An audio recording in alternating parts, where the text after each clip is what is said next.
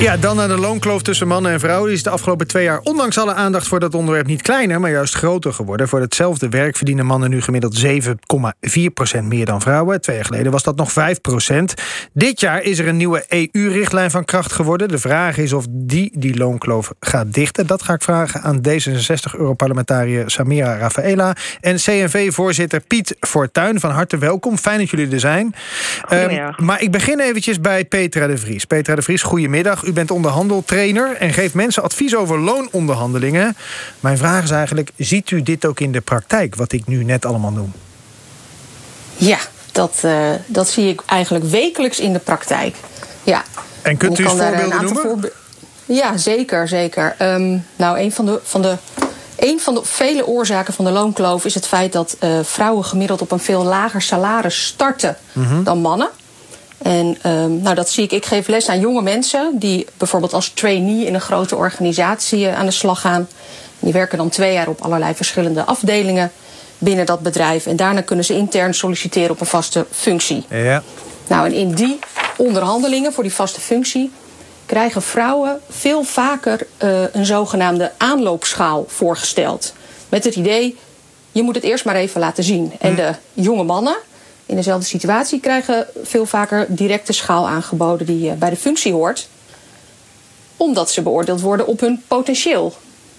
Oké, dus, um, okay, dus zegt werkgevers uh, de, beoordelen mannen anders op hun potentieel dan, dan vrouwen. En dus starten die vrouwen lager. En dus is die kloof al aan het begin van een carrière een werkelijkheid.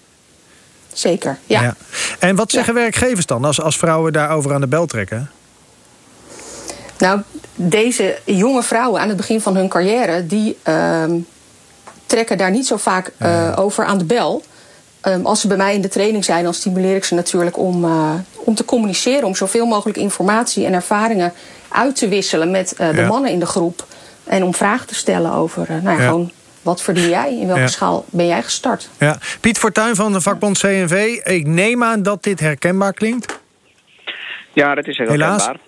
Ja, helaas. Je ziet inderdaad het verschil. Uh, overigens niet altijd op aanloopschalen en een functionele schaal. Maar je ziet inderdaad dat mensen uh, vaak verschillend worden ingeschaald op het moment dat ze binnenkomen. En dat verklaart voor een groot gedeelte wel uh, ja. het verschil te, in, in de beloning. Ik, ik, kijk, dat dat, dat, dat dat aan de hand was, we hebben het wel eens vaak over gehad in dit programma ook, dat, dat wist ik wel. Maar dat het notabene groter is geworden, dat verschil. verbaast u zich daar ook over, meneer Fortuyn, of had u dat wel zien aankomen? Nee, dat, dat vind ik echt verbazingwekkend. Um, dus dat is heel verrassend uit dit onderzoek. Ja, en het is complex, hè? het is een inschaling, maar je ziet ja. het ook in de secundaire arbeidsvoorwaarden. Uh, ja, je ziet het ook overigens bij, uh, bij praktisch opgeleide en theoretisch opgeleide. Ook daarin zie je verschil. Ja, ja, uh, dus wat dat betreft, iemand die aan de, aan de start van zijn carrière staat, is het erg belangrijk dat je dan gelijk aan de streep bent. Maar ja, transparantie in onze beloningssystematiek is best wel lastig in uh, Nederland. Nou, daarvoor, daarvoor kijk ik dan eventjes naar uh, Samira Rafaela, Europarlementariër voor D66. Want een paar maanden geleden is er dus een Europese richtlijn aangenomen voor meer loontransparantie. Wat houdt die richtlijn in? Dat klopt inderdaad. Wij hebben gewerkt aan een nieuwe wet over loontransparantie. En die is uh, sinds deze zomer van kracht. Dus uh, de lidstaten hebben nu drie jaar om dat te implementeren. En we hebben daar drie dingen mee geregeld. Namelijk het recht op informatie voor alle werknemers mm -hmm. uh, in de Europese Unie. Ongeacht hoe groot het bedrijf is. We hebben een rapportageverplichting voor bedrijven vanaf de 100 werknemers. Daaronder mag je vrijwillig meedoen. En lidstaten mogen dus boetes uitdelen als structurele ongelijkheden uh, zijn aangetroffen binnen bedrijven. Dus als er een te hoge genderloonkloof is. Oké, uh, maar dan, dan, even concreet. Kijk, dit, dit is, er is nog een lange weg te gaan. Want lidstaten moeten dit nog allemaal via wetgeving zeg maar vast gaan leggen. Dat kan ook nog alweer even duren. Maar als dit werkelijkheid is, ik ben een individuele werknemer.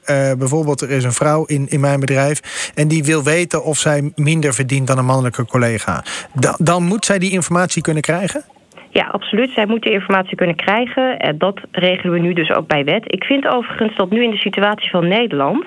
Nederland toch echt wel eerder mag beginnen met het implementeren van deze wet. Ik bedoel, je hoeft natuurlijk niet die drie jaar te wachten. Ik denk dat de cijfers op dit moment zorgwekkend zijn. Overigens zag ik deze trend wel aankomen. Ah. Uh, want Nederland ja, die doet het toch niet zo heel goed als het gaat om de genderloonkloof in het algemeen. Uh, dus, dus die informatie die had ik. En ik verbaas me dus ook niet over de informatie. En wat mij betreft is dit het signaal dat Nederland toch echt snel aan de slag gaat met deze wet. Want als er nu een vrouw is in mijn bedrijf die wil weten of ze minder verdient dan haar mannelijke collega, dan heeft ze nog geen recht op die informatie. Nou, in principe zou die informatie wel gewoon gegeven moeten worden. Maar we zien in de praktijk dat er een taboe heerst. En dat het gewoon niet altijd even veilig en makkelijk gaat om die informatie te krijgen. Hm. En nieuw aan deze wet is inderdaad dat we dat nu echt bij wet hebben geregeld.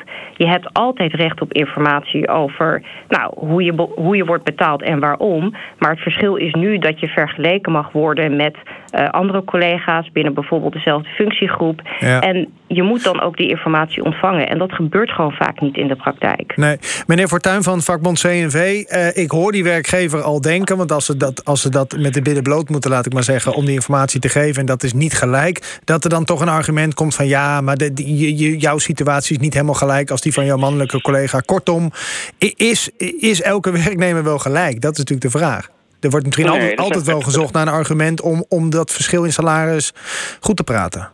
Dat, dat, dat is ook zo. En voor deel zijn het natuurlijk ook appels en peren. Uh, kijk, op het moment dat twee mensen, man en vrouw, uh, op dezelfde manier uh, binnenkomen, dan is dat heel makkelijk te doen. Het voorbeeld dat we net ja. hoorden met de trainee, dan is ja. dat heel makkelijk. Maar op het moment dat mensen binnenkomen met veel ervaring, of weinig ervaring, of werkervaring bij een eldere, andere werkgever, ja, dan wordt er onderhandeld hoe hoog kom ik in het loongebouw. Ja. Er zijn de, de, de, salarissen zijn in, in zoverre transparant, transparant te krijgen als het gaat over loongebouwen en functiehuizen. Alleen, ja, hoe hoog kom je binnen op het moment dat er appels en peren zijn? Ja, en dan wordt het inderdaad onderhandelen. En dan zie je inderdaad het verschil tussen mannen en vrouwen, tussen theoretisch en praktisch opgeleide. En dan wordt er verschillend ingedeeld in het, in het functiehuis. Maar gaat dit wel werken dan als je dit wettelijk vastlegt? Uh, nou, de, de, wet gaat het niet alleen oplossen. Uh, het gaat ook heel veel over uh, het gesprek. ik denk dat medezeggenschap, ondernemingsraden daar ook een rol hebben. Van wees transparant, laat zien hoe het gebeurt. Ja. Ehm, ja, misschien ook collega's onderling. Hè. In Nederland is er ook een cultuur. Wij, wij praten niet met elkaar over het salaris. Van, ehm, je vertelt niet altijd een collega van wat verdien jij en wat verdien ik. Vaak, vaak weten de mensen het ook niet van elkaar. Dat is ook een stukje Nederlandse cultuur. Dus een wet alleen lost het niet op. Nee, maar... En nog even over ja, de criteria. Mevrouw Ravela?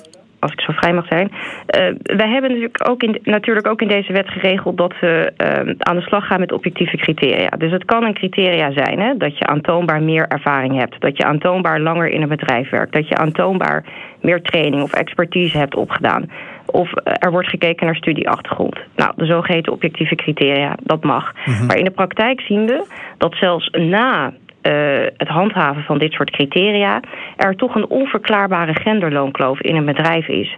En dat is dus precies wat we gaan oplossen met deze wet. Ja. De onverklaarbare loonkloof. Ja. Hoe, is het in de, hoe is het in het Europees Parlement geregeld? Verdient u net zoveel als uw mannelijke collega? Nou, ik wel in dit geval, van Europarlementariër tot Europarlementariër. Dat kunt u ook gewoon googlen, dus daar zit verder niet veel verschil in. Maar als we kijken naar bijvoorbeeld medewerkers, ook in het Europees Parlement en alle Europese instellingen, dan durf ik wel met zekerheid te zeggen dat daar ook uh, een loonkloof te vinden is. Alle instellingen, alle organisaties zullen eraan moeten geloven, dus wij hier ook in Europa. Ja. Ja. Um, uh, Petra de Vries, onderhandeltrainer. Als er nu iemand luistert en die heeft het gevoel dat, er te weinig, dat hij te weinig verdient ten opzichte van zijn collega, wat zou uw advies zijn? Mijn advies is altijd om in gesprek te gaan. Om altijd met, aan je collega's te vragen: wat verdien jij? Ja, dat moet je gewoon vragen, zegt dat... u? Want dat is best wel, ja, zoals we net hoorden van meneer Fortuyn, best wel een impertinente vraag in Nederland. Ja, vind je het impertinent? Het is een taboe. Ja. Het is een taboe. Het is een taboe. Ehm, maar je mag best van je mannelijke collega's verwachten uh, dat ze de vrouwen hierbij helpen. Het is niet alleen een, een vrouwenprobleem de loonkloof. Dus u zegt tegen alle vrouwen die denken dat ze minder verdienen dan hun mannelijke collega... vraag gewoon aan die collega wat hij verdient. Duidelijk, uh, duidelijk advies van de onderhandeltrainer Petra Vries. Mag ik jullie allemaal heel hartelijk danken uh, voor deelname aan dit gesprek. Petra Vries, Samira Rafaela en Piet Fortuyn. En ook Kees Vendrik van zojuist. Tot zover Geld Overleven. Hier zo één vandaag. Fijne middag.